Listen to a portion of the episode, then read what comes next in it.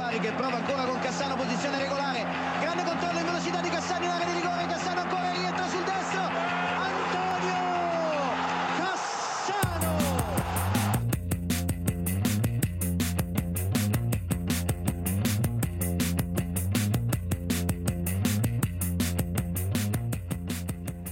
Já, það er punktur og basta uh, 27. umferð Serie A var að klárast um helgina og ég árni er í Piedmont.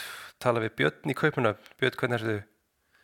Aflesaður, ég er bara mjög fín eftir Já, hressa og skemmtilega umferð um helgina og svona.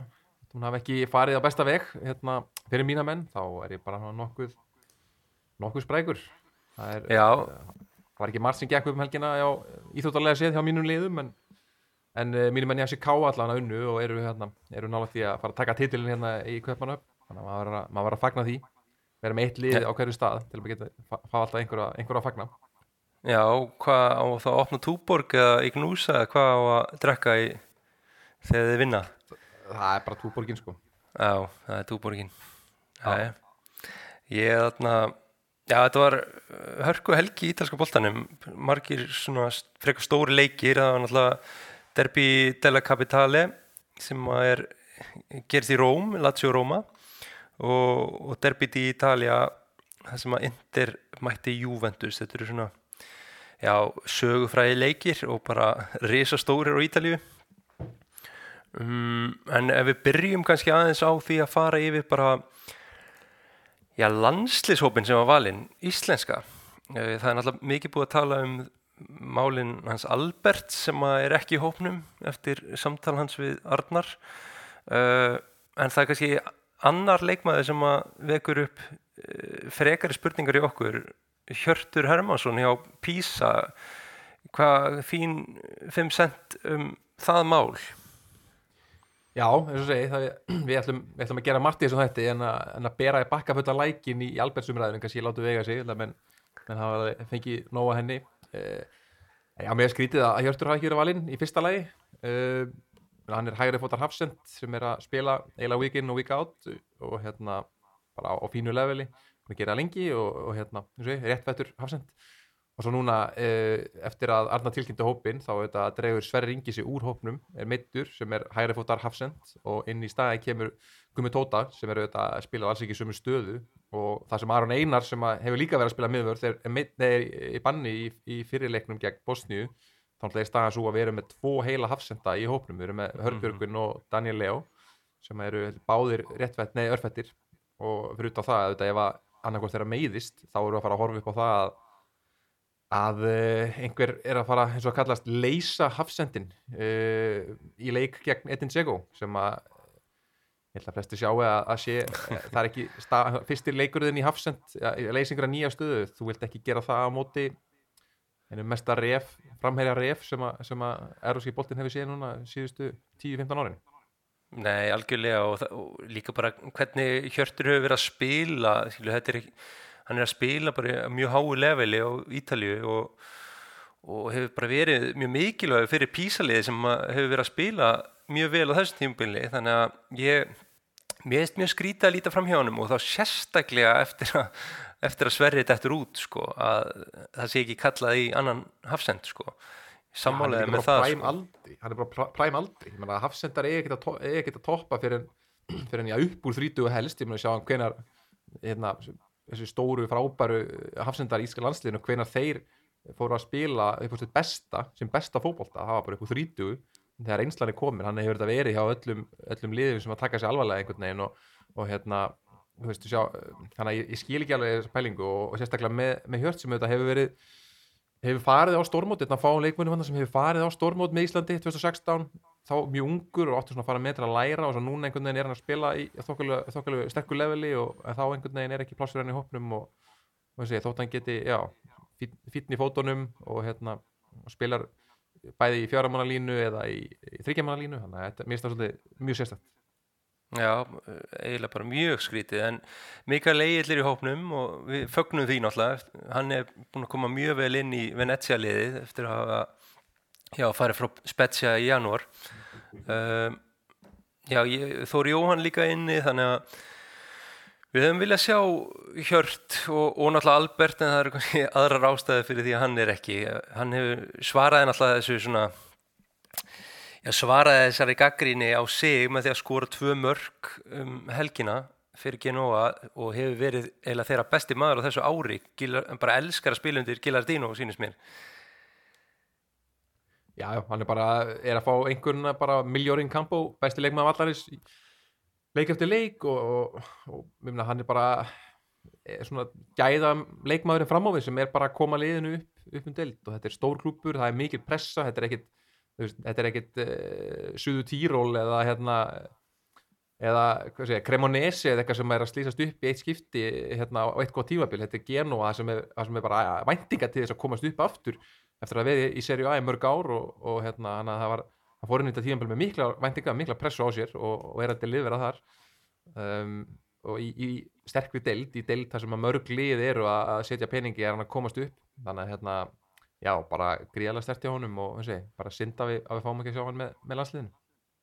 Já, samanlega því, en uh, ef við færum okkur frá landsliðsvali Ísland, svo bara svona aðeins að taka á landsliðsvali Ítali og meðan við erum í landsliðunum uh, þeir velja náttúrulega hópin sinn þarna um daginn og það eru kannski svona já, nokkur nokkrar aðtöðasendur sem við gerum. Þetta eru, þetta eru náttúrulega þessir usual suspects, þetta er Donnarumma í markinu, síðan er Falcone, Meret og Provedel sem að Jú, allir held ég eiga bara skilja að vera þarna og það eru með þess að fleiri sem að kætu vera þarna inni.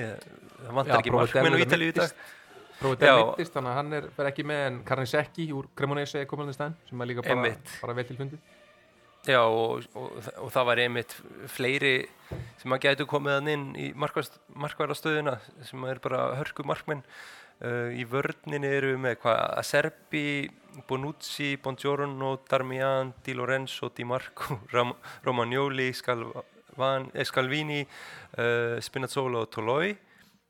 Um, allt Já. svona usual suspects sem við þekkjum Darmian er komin aftur inn í hópin eftir hérna, hann spilaði sin síðasta landsleik í playoff-leiknum gegn Svíjum 2018 þegar, Ítalið komst ekki á hann að háa með Úslandi þannig að hann er, hann er komin aftur og það er líka bara verðskuldaði, menna hann er búin að vera mjög solid með Inter bæði í, í, í, í Európu og, og fyrir deildinni líka og bara svona reynslu mikill þú veist, reynslu mikill vardamæður eins og við tölum um í hafsendorum eða í bakverðum, þú veist, þú vilt hafa reynslu og, og Ítalið þekkja það manna best.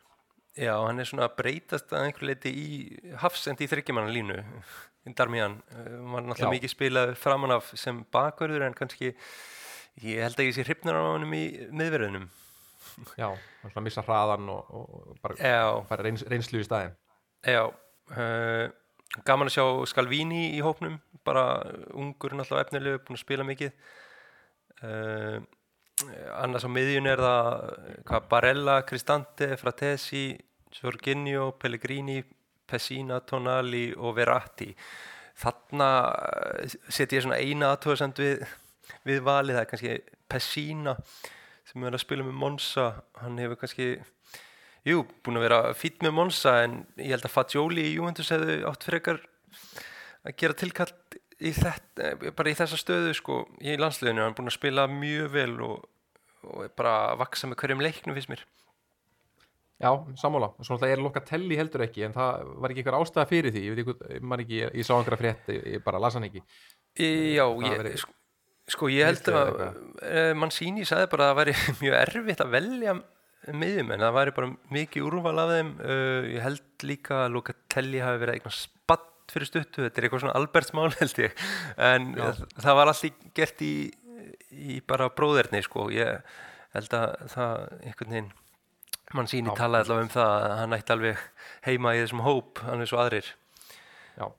Uh, síðan eru framávið. Það, það er einhvern veginn svona bara lott og hvað við fáum framávið hjá ítalskan landslífinu þess dagana. Berardi, Chiesa, Gnotto, Grifo Pafundi, Politano Retigui og Skamaka Chiesa er svona já, hann er með einhverja bólgur á liðböndum í nýja eða svona já, hann er eitthvað bólgin gerðist um helgina uh, á svona vona því að hann dræði sig úr hóknum um, ég, hvort það er búið að gerast þegar við erum að taka upp uh, ég, ég veit það ekki en, en þarna sjáum við að vantar já, Bellotti og Sakhanni mennina sem spila báðir í Róm.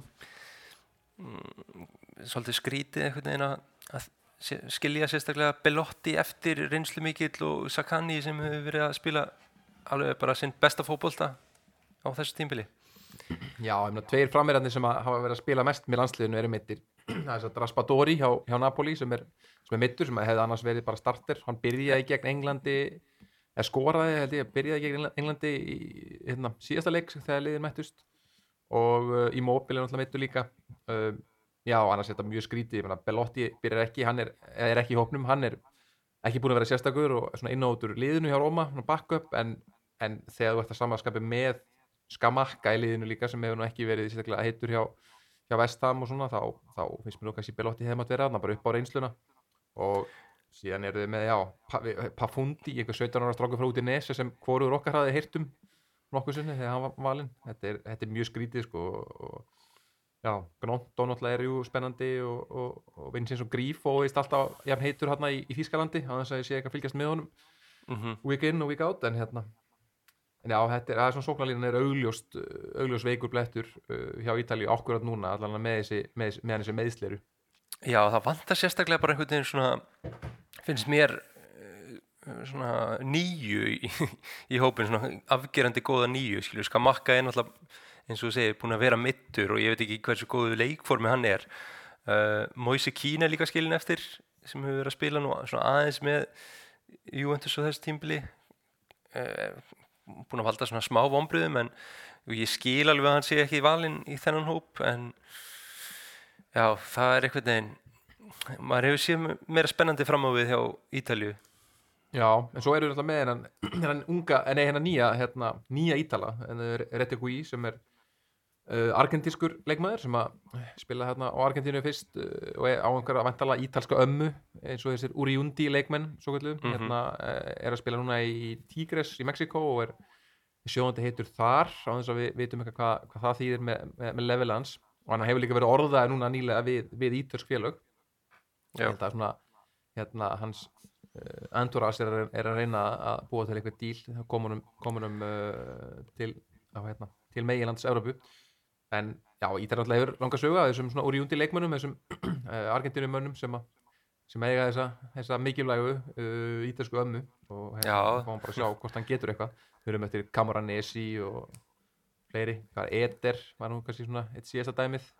Já, Rafael Já, Tolói náttúrulega í hafsendunum er líka er, uh, Brassi eða ekki? Jú, Brassi held ég já.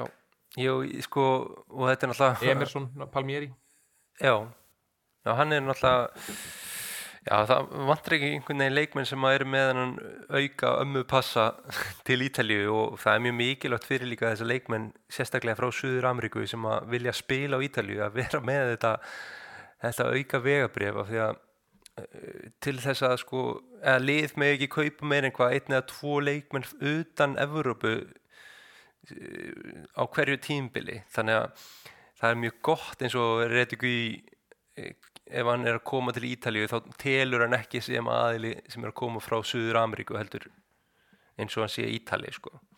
Þannig að það, er verið, ég sjálfur verið á Ítalíu í, svona, í tungumála, skóla og hérna sagt að var, skóli var fullur af uh, brössum og argentínumönum sem voru að, mæta og taka eitthvað svona pró, tungumála próf og alveg með sko ættatrið klárt frá heimalandinu. Þannig að hérna þetta er ekki fótboltamenn held ég, því miður. Var ekki Luis Suárez eitthvað að reyna svindla á einhverju tungumálaprófi hérna fyrir einhverju síðan. Síðast sumar eða eitthvað hann, já þegar hann var, orða, var ekki orðaði við Juventus og, e, e, og, hérna, og fór hérna til Peruzzi að taka eitthvað tungumálapróf og, og hérna svo komst, svo, hérna, komist menn á snóðir í einhverja hérna, e, að niðurstöðunar í prófunum hans þar sem að menn hérna, dómararnir í prófunum voru bara að tala um að þeir, hann kynni ekki að beigja hérna einustu sögn eða, eða einasta, eitt einasta nafnorð.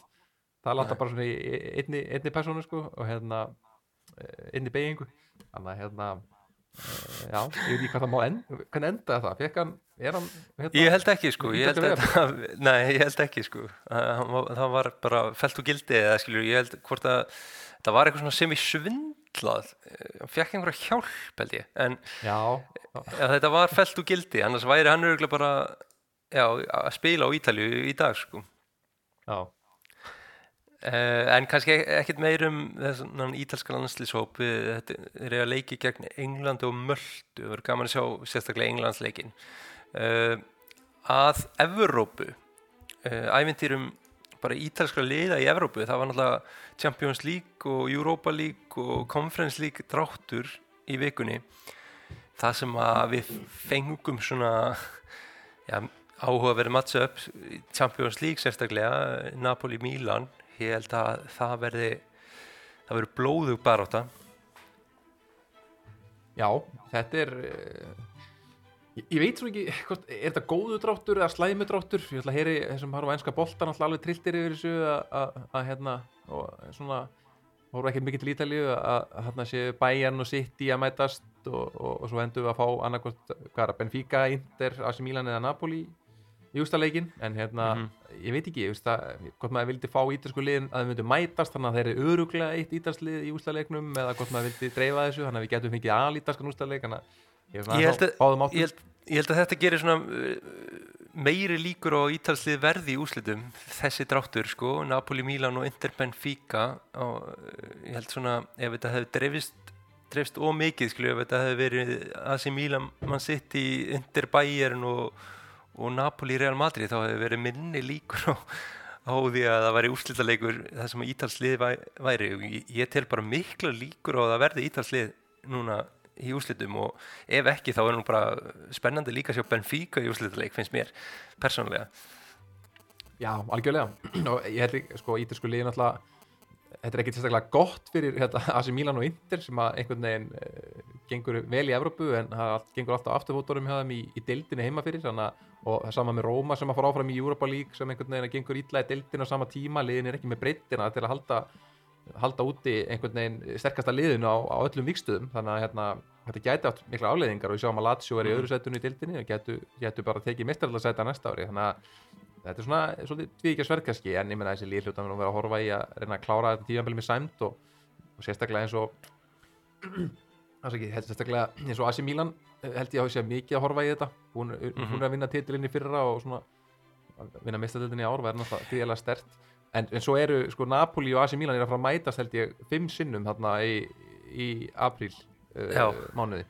Það er svona leiðilega við þetta fyrst mér að hérna að þetta, það, þetta verður einhver óuleg rimma þannig að þessar liða á milli og, og þú veist við erum svo sem vona á að Napoli vinni í flestar af þessum rimmum sko en það væri frekar pínlegt ef, að- ef að Napoli myndi bara gera eh, hreint borð og, og, og, bara sópa eh, Milan út úr öllum keppnum sko þess að þetta er líka að mætast í, í Coppa Italia undarúst mm.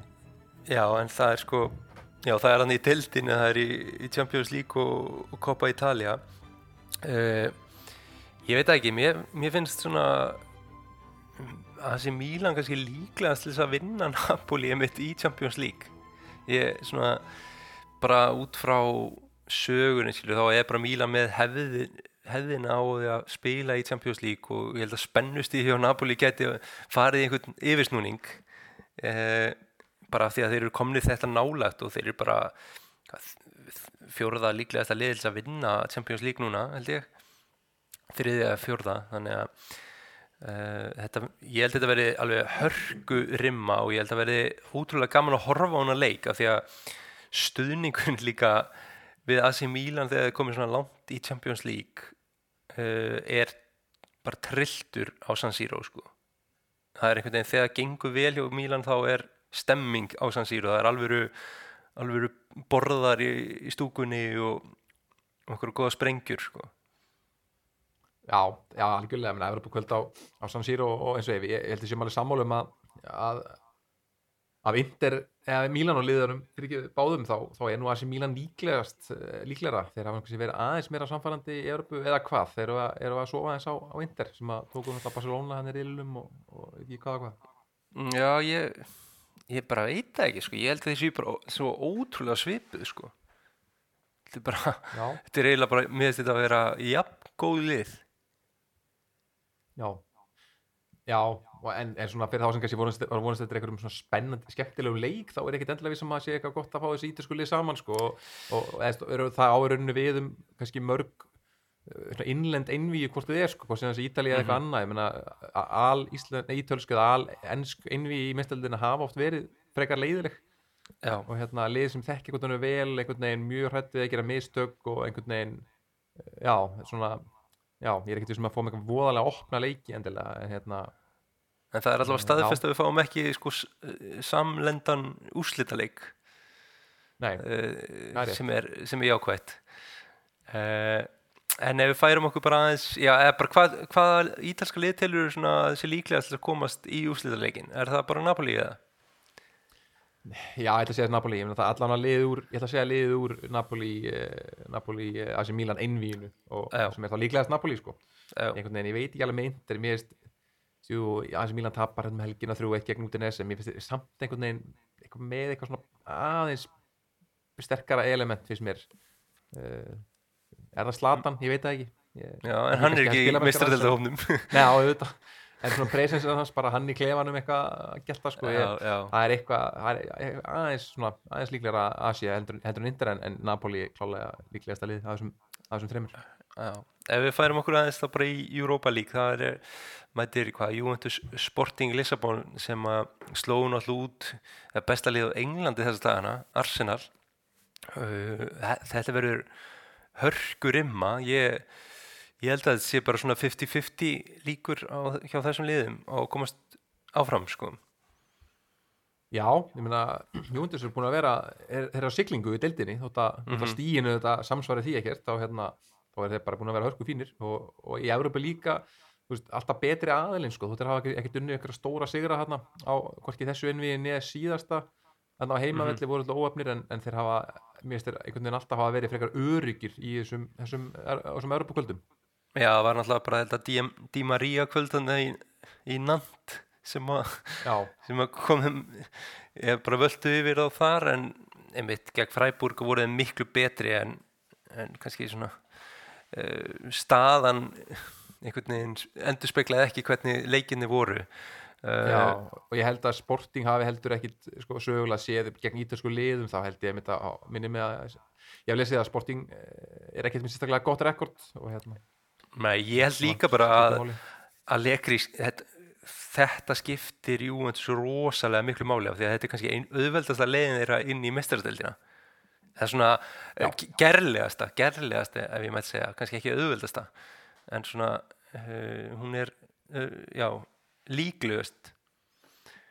Já, mm, en síðan er það Róma og hvað, Fæinort eða ekki Já, það er hérna, leikurinn sem allir er búin að býða eftir, endurtekningin frá eh, eh, hérna, konferenslík úrslitareiknum í fyrra, mm -hmm. þar sem þessi liði mættust og, Róma vann 1-0 með marki frá Nicolò Sagnolo og, og þjálfari Feyenoord búin að væla yfir þeim leik alla, alla til síðan, ég veit ekki hversu oft ég er að sjá einhverja fréttir af honum að tala um hvað þeir hefði skilið sigurinn og veit ekki hvað og hvað en hérna eh, nú fara hann allan að þá tækifæri til að hefna sín en mér skilst að Feyenoord sé með ansi breytlið og hérna Já. Hafi gert mikla breytingar. Þeir eru efstir í Hollandi þannig að þeir eru á siglingu en eins og eru með ansi breytlið frá því fyrra þannig að ég veit svo sem ég hvað, hvað gagnast hvað hérna, hvað, hvort þetta sé rauninni sömu lið að mætast aftur eða þetta er, ég ætla að finna að sé með svolítið nýtt lið. Mhm. ég er bara mjög spenntur þetta var, úsleileikurinn var bara Mourinho Masterclass í fyrra, hann var hann ámælistæði minn á síðast ári og ég horfði á uh, leikinn þangað til uh, Róma komst í 1-0 og þá uh, var ég bara að borða ammælis dinnerinn með fjölskyldunum minni ákvað bara að slökka á leiknum vegna þess að ég vissi bara að Róma væri búið að vinna. Þannig ég slökkt á leiknum og borðaði bara með fjölskyldunni og kíkti síðan bara live score eftir leik og jú, jú, það var leiknum lauk 1-0 þannig að hérna já, svona alveg vona á að, Mourinho eh, taki þetta inn við, Rómur er búin að vera fínir í Európu svona þegar það skiptir máli undanfarið og Mhm. þetta, stu, svona ef hann ætlar að halda stjórnismunum góðum með að við svona hvað er að mistiga sig í deildinni heima fyrir þá held ég að, að Rómverjar þurfi að, að púlu upp á, á stóra sviðinu og, og, og taka feinort þeir eiga ja, fyrsta leikin úti, þannig að setni leikin heima sem hefur einstum líka mjög vel þannig að hérna, ég held að Róma taki þetta inn við klálega Já, það er líka svona kannski fyrri leikurinn skiptir mjög miklu máli það er úti leikur uh, í Hollandi það var mjög stert einhvern veginn að koma frá honum allavega ekki með tap og f- fara til Rómar með allan þann stuðning sem þeir hafa haft á þessu tímbili uh, uh, þá bara að konferensinu þá er Fiorentina Lech Poznan. Fiorentina liði hefur náttúrulega bara verið að spila uh, miklu, miklu betur núna síðustu vikur mánuði heldur en gerðu fyrra á þessu tímbili og, og þeir þeir einhvern veginn vi- vilja örglega reyna að fara svolítið langt í komfresinu Já, eh, bara ef maður skoða sko síðustu leikin hefða fyrir tína, þeir unnu 1-0 um helgina, Lecce, 4-1 Sívaspor á útivelli í Európu, Cremonese 2-0 úti, 1-0 heima Sívaspor, uh, unnu AC Milan 2-1, Hellas Verona 3-0, þeir eru að fá sig ekki mikið að mörgum, uh, mm þeir eru að vinna eða alla leiki, eru bara sjóðandi hittir og hérna komum við sjálfströst í það og, og og ég, bara mikið rosalega verið gaman að sjá fyrir tína fara í úslita leiki í Európa-keppni, menna þeir hafa ekki þeir hafa ekki verið nálægt í í mörg ár og hérna ég held að þeir hafi síðast verið nálægt í hérna 2010 þegar uh, þeir mættu Bayern München og voru við það að slá Bayern München út þegar þegar uh, norskur dómari sem er Tom Henning Övruböðum rétt dæmdi leik og, og dæmdi gaf eh, Bayern München mark sem var svona þremur metrum hann var, rángstæður svona þremur metrum fyrir innan og fyrir Já. tína stundum menn þeir eru ennþá trilltir út í þann dómara og út í það sem fram, framfór í þeim leik. Þannig að þeir, þeir telja örugglega ennþá eitthvað að hefna í Evrópu og, og þannig að þeir mæta peppa þeir legg postan Ísland, Íslandsvinunum. Já, emitt þið, þið, þið í stjórnunu hafið mætt þeim þannig að þið ætti að þekka Já, þetta. ég kannski ég gaukaði með einhverjum ráðum hvernig maður slæða út. Já, en já, þetta voru svona þessir Evropudrættir í vikunni bara störla að sjá allir ítalsku lið áfram, langflestu liðin í Evrópu frá einu landi. Sex bara talsins, Lazio það er Já, Já, eins og Mourinho sagði hann, hann kendi brjóstum um UEFA að þurfa núna eða peningi að flytja Conference League byggarinn frá Róm. Það var einhver Flórens sálfræði hernaður uh, fyrir já, stórleikin í, í Rómborg. Uh, ef við, já bara ef við byrjum á honum. Lazio Róma leikurinn um höfuborgina þá ef þú gefur okkur bara þessi, þessar 360 gráður sem að þú ert svona þekktu fyrir þegar þú horfur á Rómaleiki Já, ég get gefið þér 1080 gráður fyrir hennan eh, þetta fíaskó sko. Já, Nei, þetta var eh, það var eh, svona hafði, að- leikur sem hafði allt sem að derbi hefur venjulega, það var rosalegt tensjón og bæði lið voru eiginlega bara svona komin til að reyna að veiða anstæðingin í, í einhvern, einhvern hita og, og vesen og, og rautspjald og svo var eiginlega bara svona spurning svona hvoru megin það datt sko. Og hérna Já. bæði lið spiluðu mjög harkalega mjög grimt frá fyrstu mínútu og einhvern veginn þú veist, fyrstu gulu spjöldi voru svolítið tilvæmlega kent og þú veist, í banni sem alltaf algjör já bara uh, heimskur setna spjaldi sem að færa þarna, það er rosalega heimspjald en að samanskapið fannst mér þú veist, fyrra spjaldi mjög soft og algjörlega tilvæmlega kent einhvern veginn þú veist, Milinkovic Savic byrja leikin á að hamra niður sko bara í, í, í hausin á honum líka við sko og mér svona, það var, mjög tilvæmlega kent hvernig fyrstu gulu spjaldi fjallu en Mhm. á gulu spjaldi þá áttu náttúrulega aldrei að fara í þessa teklingu og, og hann getur bara sjálfur sér kent og, og Rómverja voru þá að hérna, Rómamenn voru þá manni færi frá, frá uh, hálftíma cirka eftir, eftir hálftíma leik og þá var það bara pakki vörn og vonast til að geta sett markur fyrstu leikadriði og Latsjómenn voru mér með boltan, voru ekki að skapa sér miklu, mikið mikið að færum en náðu sér einu, þurftu eitt gott færi og Mhm. svona þess að kann ég kláraði hann í setni hálfleik og Ró- Róma hafði engin svör við því þeir, þeir áttu þessu fyrstu leikadrið og skoruð enda mark sem var dæmt af hérna réttilega, sínist mér, vegna rángstöðu þannig að hérna, Já. það var svona næsta segði komust uh, líka svona það sem erfitt fyrir Róma var auðvitað eh, það var smá meðslavesen og síðan að byrja með sko Dybala inn á uh, þau- og svo taka hann út af að þeir þur, þurft að verjast og hann gag- gagnast ekki sérstaklega mikið þar en að þurfa síðan aftur að að snúa vörn í sókn að þurfa að byrja að sækja aftur og vera þá ekki með hann inn á það var alltaf dýrt sko. ótrúlega dýrt og að þetta var einhvern veginn uh, alveg svona freka jafn leikur og hvað var ekki Salevski sem að sopnar hans að á verðinum í markinu og Lazio eða? Jú, einmitt, hann sopnur á verðinum og líka að spila mjög mikið. Hann, þess að Karstorpin okkar maður, hann neðbrotnaði síðasta leik, hann var ekki með, gæti ekki listan af heldur í bakverðinum og og hann var að kofera ótrúlega mikil svæði og hann eins og sopnar hérna í, í markinu, snýr líka vittlust ekki, ekki bara missir að mannum heldur snýr gera sem í leiknum, hann er svona varnarstaðan hjá honum er ekki það er ekki hann sterkalið, mér finnst hann svolítið bara kemur óvart að Amorinni og þessi ekki búin að kenna honum aðeins betur svona varnarstöður því að mér finnst hann oft Mhm. snúa vittlust sem er algjört no-no hérna á Ítalíu sérstaklega. Þannig að hérna, já, en annars, annars var þetta fín barata hjá Róma og mér finnst þeir þú veist, þeir voru alveg inn í þessu og voru að hóta í, í fyrstu leikadriðum og, og eitthvað svona en, en eh, já, annars bara verðskulda hjá, hjá Lazio og mjög vel spilað spilaði leikur hjá þeim. Hérna Mhm. bara komu inn með spennustíð í lægi maður sá að þeir voru líka að reyna að róa var, Sarri var að reyna að róa sína menn. Það voru spjöld sem fengi að fjúka þarna hæri vinstri og, og þú veist, það hefði ekki miklu mun að einhver latsjómaður hefði mist hausinn. En þeim, þeim tókst það og hérna, alltaf bera hrósaðin fyrir það. Þeir, þeir, þeir fagna því.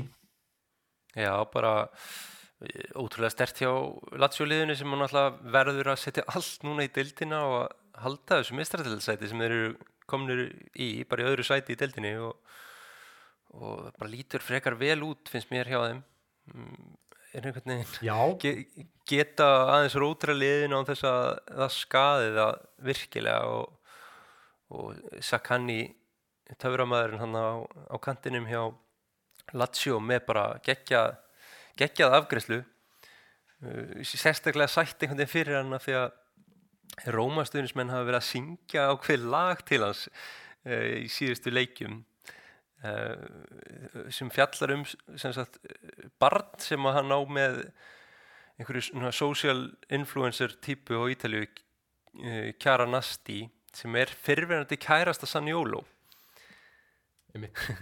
fyrir um leikmanns Róma og, og þeir syngja um það og einhverju Rómastunismenn voru eitthvað að reyna að reikna það út eh, því að stuttu eftir að Sakani byrja með henni þá tilkýr hún óléttu eða þau óléttu og, og Rómastunismenn vilja meina að þetta sé batnið hans Sanjólo sem er reyndar núna farin en, en það lítur að hafa verið sætt fyrir Sakani að að- að einhvern veginn tróða sokki upp í þessa stuðnismenn.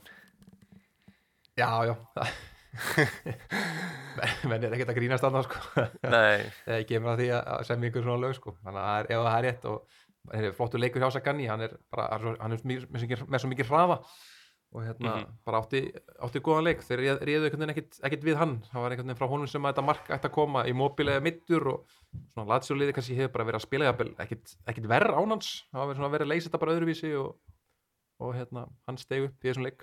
Mm Þannig að ég Já, það er svo sem ekkert mikið meira að segja. Þetta var bara fáranlega góð stemming á Olympico eh, alveg sprengjur og, og flögg og bara störlu stemming. Flott myndataka líka hjá Lazio. Já, já la, sko Lazio stundismenni megan og eiga það að tífóin hjá þeim, svo að myndinar það, Já. það, ein, það er engin annar klúpur á Ítalíu sem gera það jafnvel. Mér finnst þeir alveg í í algjörum sérflokki þegar kemur að, að, að tífó Já, já sammála því. Þeir náttúrulega bara þeir hlaða í alvöru alvöru sjó fyrir leik sko. Uh, fálkin flýgur hérna og þetta er, þetta er stemning. Já, ég, sko, ég er líka bara hrósa hans ítölum og því að myndatakan finnst mér vera, vera oft mjög flott hjá þeim í útsendingunum. Allavega á fítinu sem að við erum að fá á Ítalíu og hérna ég er að horfa á þetta DAZN á Ítalíu þannig að e, flotta myndir og reykur á vellinum og einhvern veginn sarri einhverju slómó skota sarri af dröllu vel gert þeim. Já, svo er líka sko, svo er alltaf fyrir stóruleikið og þá er líka, byrjar útsendingin bara klukkutíma fyrir á YouTube, þannig að mann geta hort á bara sko stuðnismenn að vera að koma sér fyrir og byrja að syngja og allt þetta, mm -hmm. það er ekkert eðla gýrandi dæmi sko, það er bara fyrir Róma Darby, þá setjum maður þetta bara í gang og það var bara með einhvern veginn bara þrúandi stemninguna bara heim í stofu sko, alveg bara magasóri alveg að stækka inn í manni og stressið að koma sko fyrir, fyrir leikina, þannig að hérna, þetta er, þetta er mjög gott stöf sko, gott, gott production í þessu. Hlóðst í Carbonara í tilumni dagsins í gæri eða? Ég er bara misti alla matalist eftir hennar leik þannig að það var, var lítið borðað Nei, ok. En já, þetta er, ef, ef, ekki bara færa okkur yfir því á hinn svona derbi slægin um helgina. Inter Juventus. Það sem mínir menn í Juventus fóru til Milan og já, fylltu pókana stigum.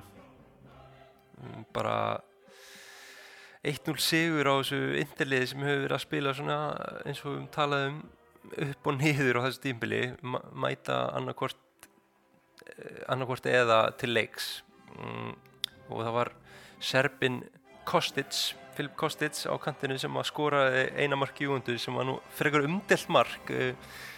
Boltinn virðist að fara í höndin á Rabiot í, í aðdraðandanum og en var sá ekkert aðtúavert margir að skrifum þetta á Ítalju í dag svona eftir leik. Mm, meðan mín svona sendum þennan leik Fagioli var gjörsanlega frábær.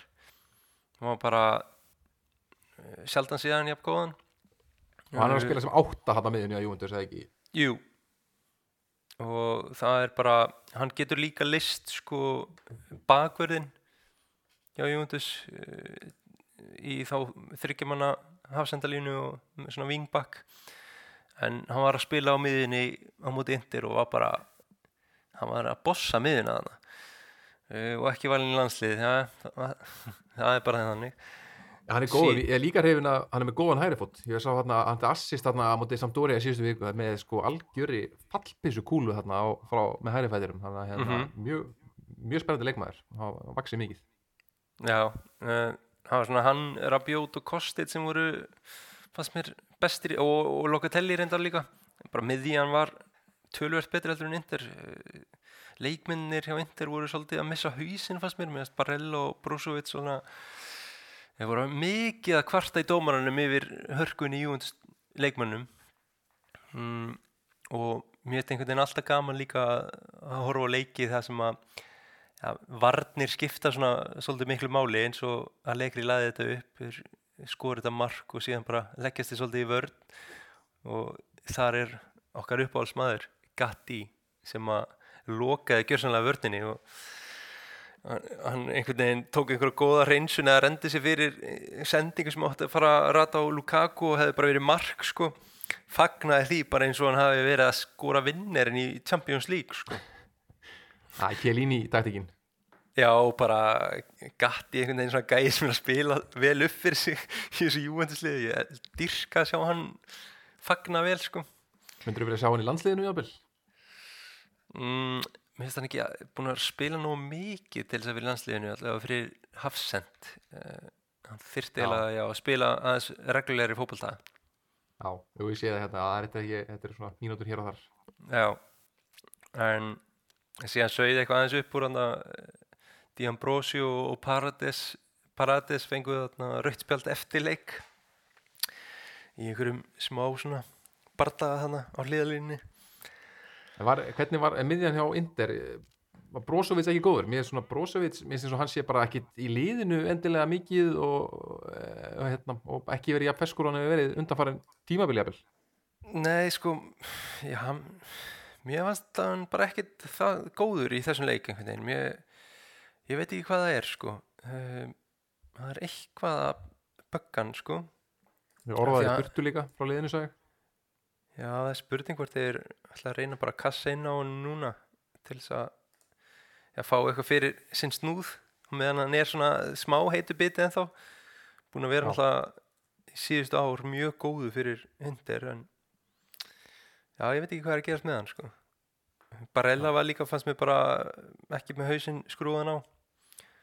Uh, og Tjano Noglu var líka með manna í þryggjumanna miðju.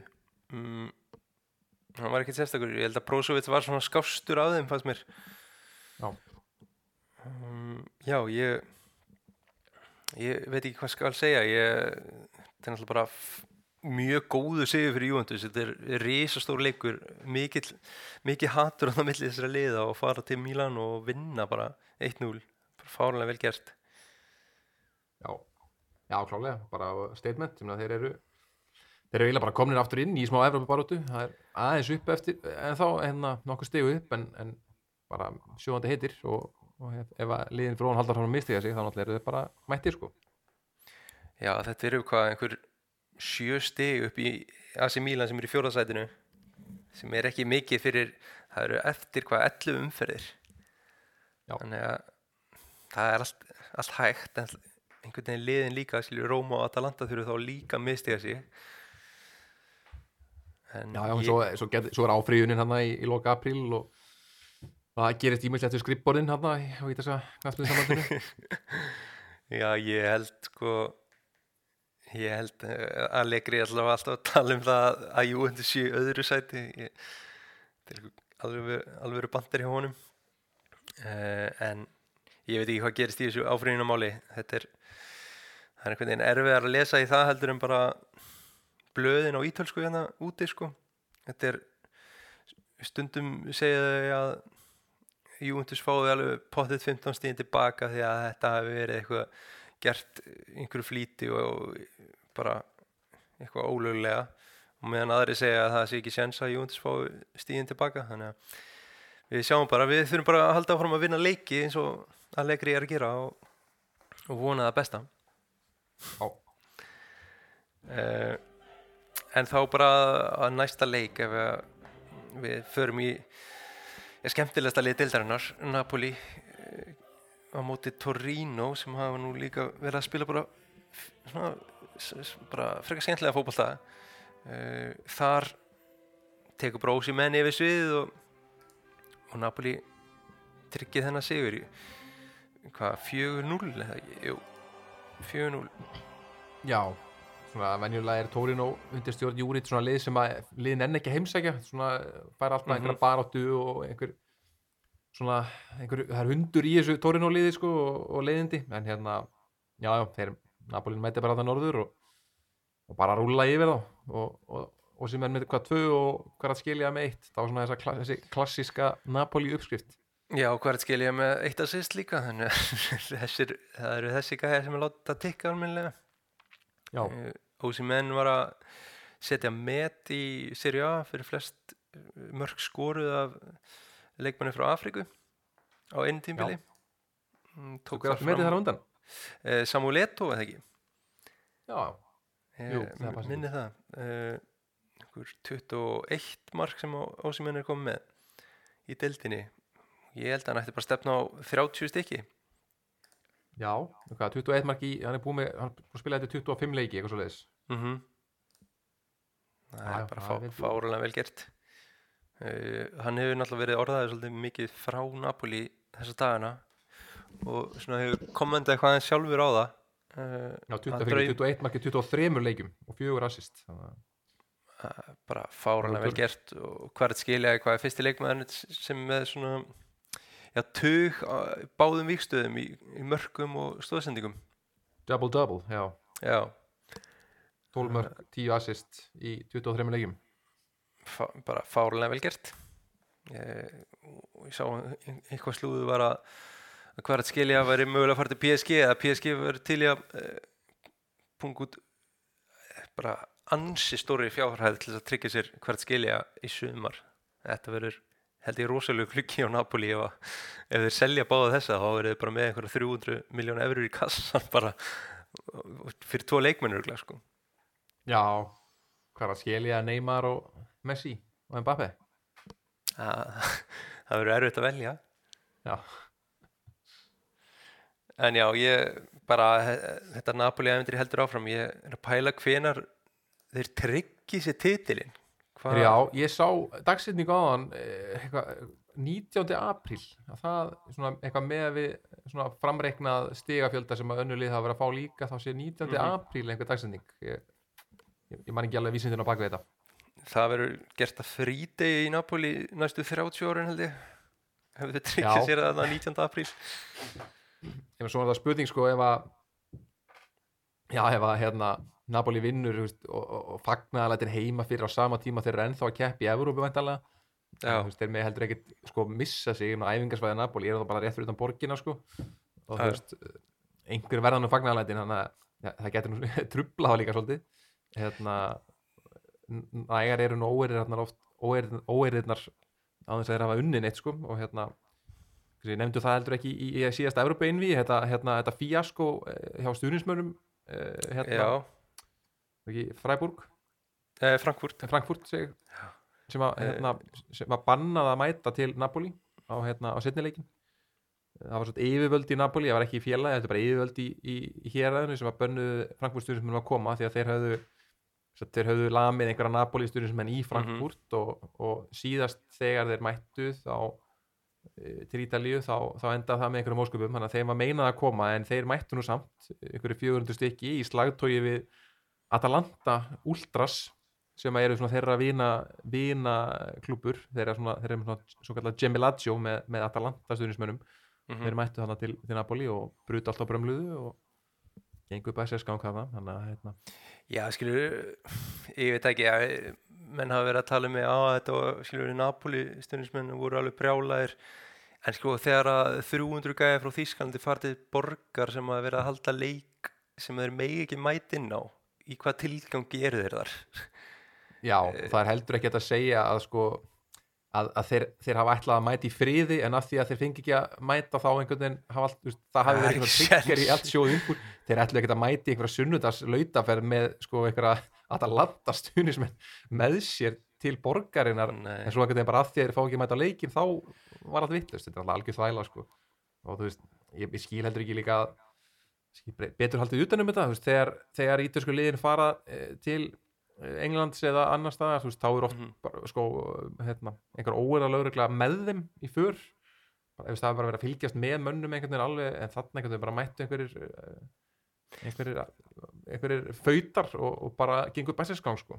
Já, það er líka oft sko feld niður flug til eins og frá Frankfurt til Napoli eh, ef það má ekki stuðnismenn megi ekki koma eh, til þess að sportna í gegnum þessu og ég held að þeir hafi farið í gegnum sko Bergamo og Róm og komið þaðan eh, um, að þeir segja í slagtói við stuðnismenn Atalanta. Ég veit ekki ég, ég hef heyrt að frá allavega fólki frá Bergamo og það verið eitthvað algjörst kæftæði það væri bara fake news.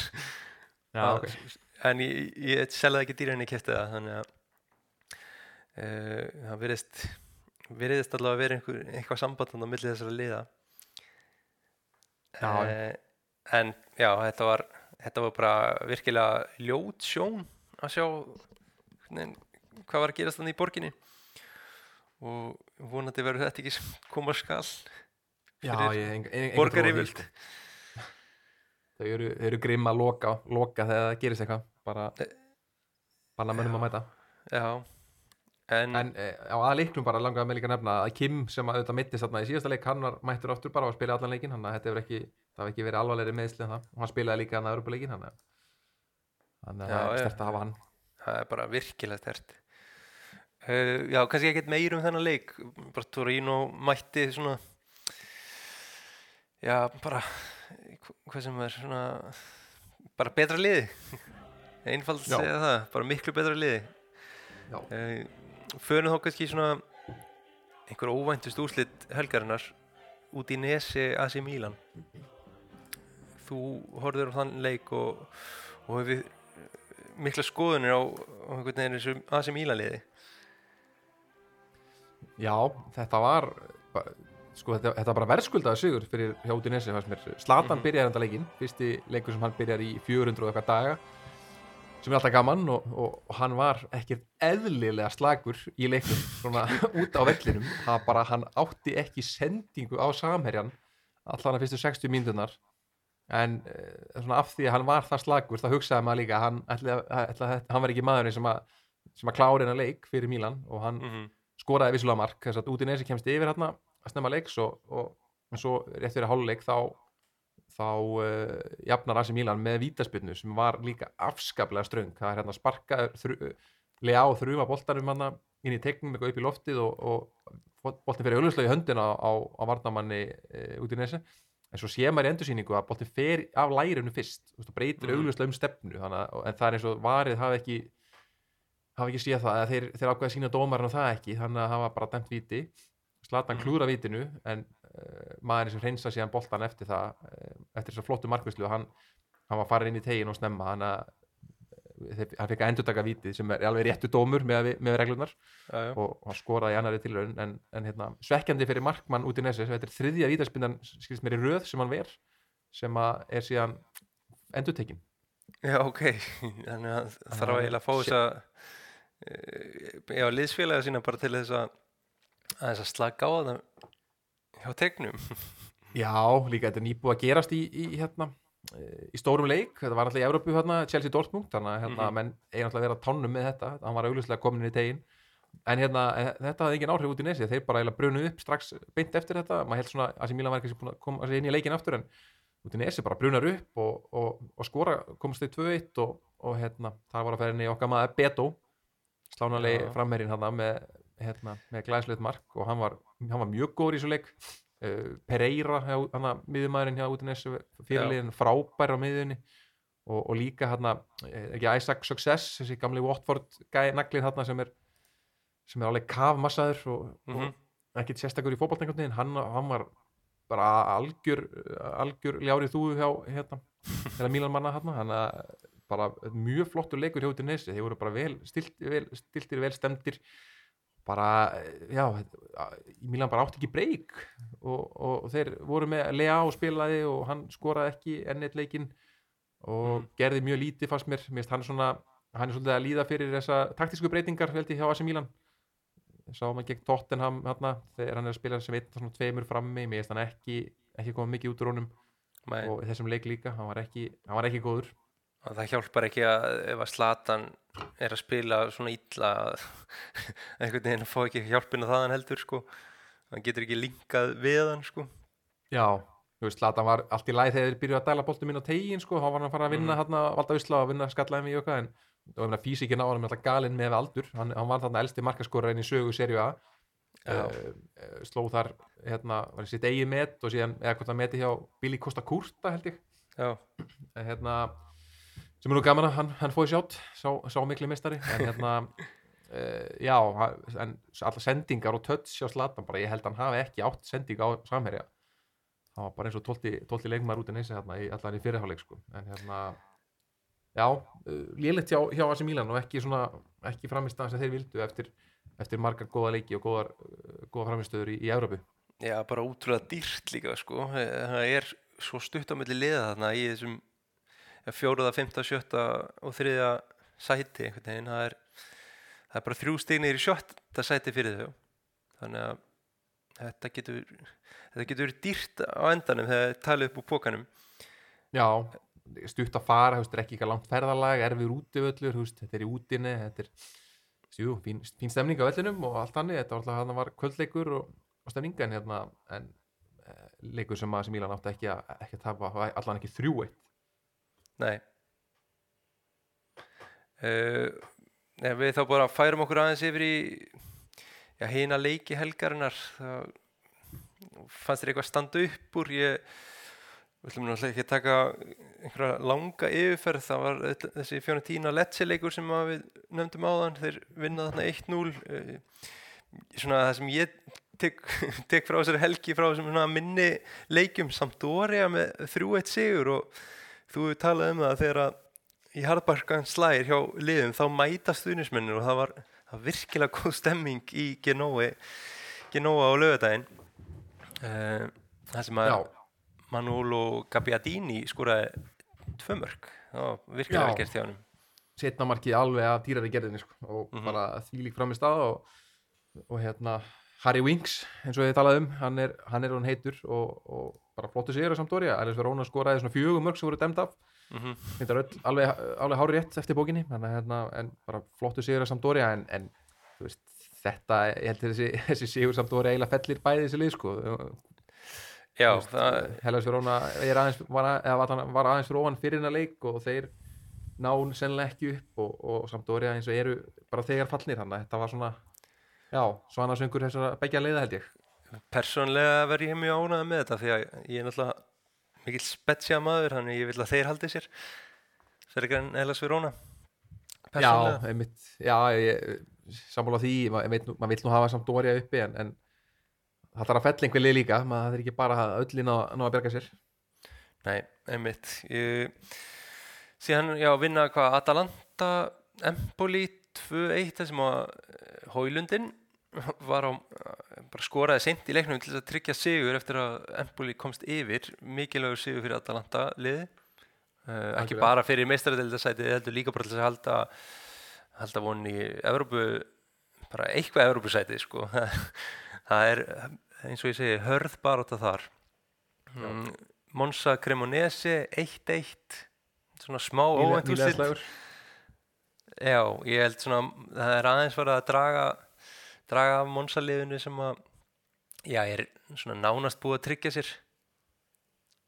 Uh, Já, Cremonese kosti yfir í svona leik við svona hjælkast í þeirri myndu geti verið eitthvað svona fyrir þá að- að lifta sér upp á en, en eins og þetta er náðu síðan bara jafntefli á endanum og, og eru náttúrulega bara eru fallnir, ég held að við séum Mhm. nánast búin að tryggja þessi síðustu, síðustu þrjú sæti nema eitthvað, eitthvað stórkvæslegt gerist. Já.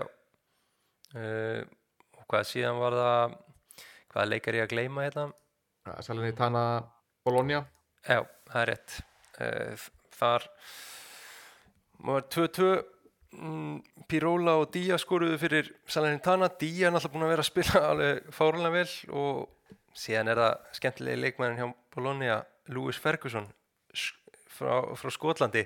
Sáum þetta skoska eh, það var að búa til einhver, einhver þátt í Skotlandi um skotana sem er að spila í serju A bæði eh, kalla og kvenna megin einhver fjóri Já, já. fjóra manneski sem er að spila og þar á meðal Lewis Ferguson. Já, kom frá Aberdeen í síðasta sumar. Já. skemmtilegt karriérmú að þetta er en það er bara fullt af mörgum eins og gerist oft hjá sannlega tanaliðinu fyrst mér. Mér finnst það mjög gaman að horfa á þá. Já. mm, ef við förum aðeins í B-deldina og, og, og hvenna hvennaboltan hvað það er náttúrulega Albert helstan í B-deldinni sem að eins og þú segir uh, búin að spila bara fárana vel síðustu leiki uh, eiginlega besti maður vallarins leik eftir leik. Já, þeir pakka saman Brescia Eh, Brescia er á botnunum í deildinni. Þeir eru þetta voru nú bara í serju A fyrir örfá mánu síðan með, Birki Bjarna og Fjalla og, Mhm. og voru í topparóttu hafa verið í topparóttu í serju B undanfæran ár svona ekkert langt frá því að fara upp. En núna er einhvern veginn allt farið í skrúuna að búa að reyka þjálfara held ég svona áttasinnum það eru þetta hann eh, Celino, gamli lítseigandinn sem, að- sem á félagið og mér skilst það eftir leik eh, eftir hennan tapleik gegn Geno og þá hafi stuðnismenn á vellinum er svona farnir að gera leit að Celino og vilja fá að eiga við hann nokkur velvalin orð því það er, það er bara allt í skrúinu hérna en Já. hérna ja, flottu sigur hjá Genoa og þeir eru bara að, svona hægt og rólega held ég að tryggja sér hérna annarsætið í þessari dild því að Já, ég, held að er stöðvað frá sín núna. Þetta hafi verið mjög jákvætt fyrir genóliðið að Albert hafi ekki verið að fara í landsleikja liðið sko. Svona, Já, eru með fimm, fimm stiga fórskot núna á Suðu Tíról sem er Já. þriðarsætislið sem er eiginlega ótrúið að það sé í þriðasæti svona mjög söguna. Þetta er lítið lið sem var bara í hvaða délheldinni fyrir ekki, ekki það löngu síðan. Mm, síðan spilaði náttúrulega Mikael Egil með Venezia í 1-0 sigur á Ascoli og útivelli. Eh, Já, ég sá smá af þeim leik. Mjög sterkur sigur hjá Venezia. Um, þeir eru svona að tryggja sér að halda sæti sínu ef, að, ef þeir halda áfram að spila svona eins og þeir hafa verið að gera. Já, er að halda þessu ofan við fallseti en er hérna í play, play out Mhm. sætunum en hérna bara flottur það flottur sigur, þeir voru bara vörðust vel og hann voru hann að loka svæðum í 80 okkar myndur og, og spota sér inn einu markið fyrstu leikadrið í lokinn og bara hörku flott þannig að hérna flott framist og, og hann er eins og umtalaðum hefur fengið mikið hrós undanfari hjá, hjá þjálfaralisins og svo var Íslendingur Kristoffer Jónsson hann sem hefur orðaði mikið við val. Hann var á, á bekknum í þessu leik hefur verið hún á bekknum í einhverja 2-3 leiki undanfarið mm skilst mér, þannig að vonandi að hann fóði tækifærið, hann vist búin að vera að skora mjög mikið og spila vel með, með úlingaliðinu og hérna og bara vonandi fær tækifæri í seri B. Hann verður ákveðið í sumar hvort að Venetia kaupa hann eða hvort hann snúið aftur til vals. Þannig að hérna við vonum auðvitað að hann verði áfram á Ítalíu. Já, ég held svona allavega bíedeldin sé tæmt hjá okkur, Hjörtur var á bekknum í 2-0 sigri Pisa og Benevento. Um, bara um mitt bara vel gert hjá Pisa. Uh, það er svona, línur eru aðeins að skýrast í bíedeldin líka. Það eru Frosinone og Genoa eru svona að tryggja sér upp finnst mér, sérstaklega með hvernig Genoa liðið hefur verið að spila síðustu tíu leiki þá er hafa bara verið mjög góðir. Og ég einhvern veginn erfitt með að sjá þá klúðra þessu. Um, ba, Suðu Tíról, Bari, Pisa, Cagliari, Regina og, og Palermo eru í þessum playoff-sætum það er, það er alveg erfið að komast upp úr þessari deild. Það er bara tvö lið sem fara beint upp. Algjör mýri Já, af því að sko Suðu Tíról og Palermo er bara 50-50 leikur í einhverju playoffsi.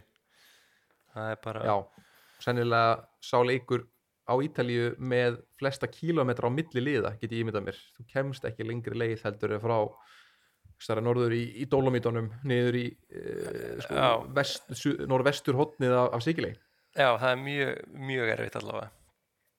Mm, að- finna, finna stað sem er lengra á milli. Uh, Já, uh, en kvennamein þá Alexandra spilaði með Fiorentina liðinu sem að já, minnst, hún hafa bara verið að spila nánast alla leiki með þeim síðan kom þangað og það minnst það virkilega gott að sjá það.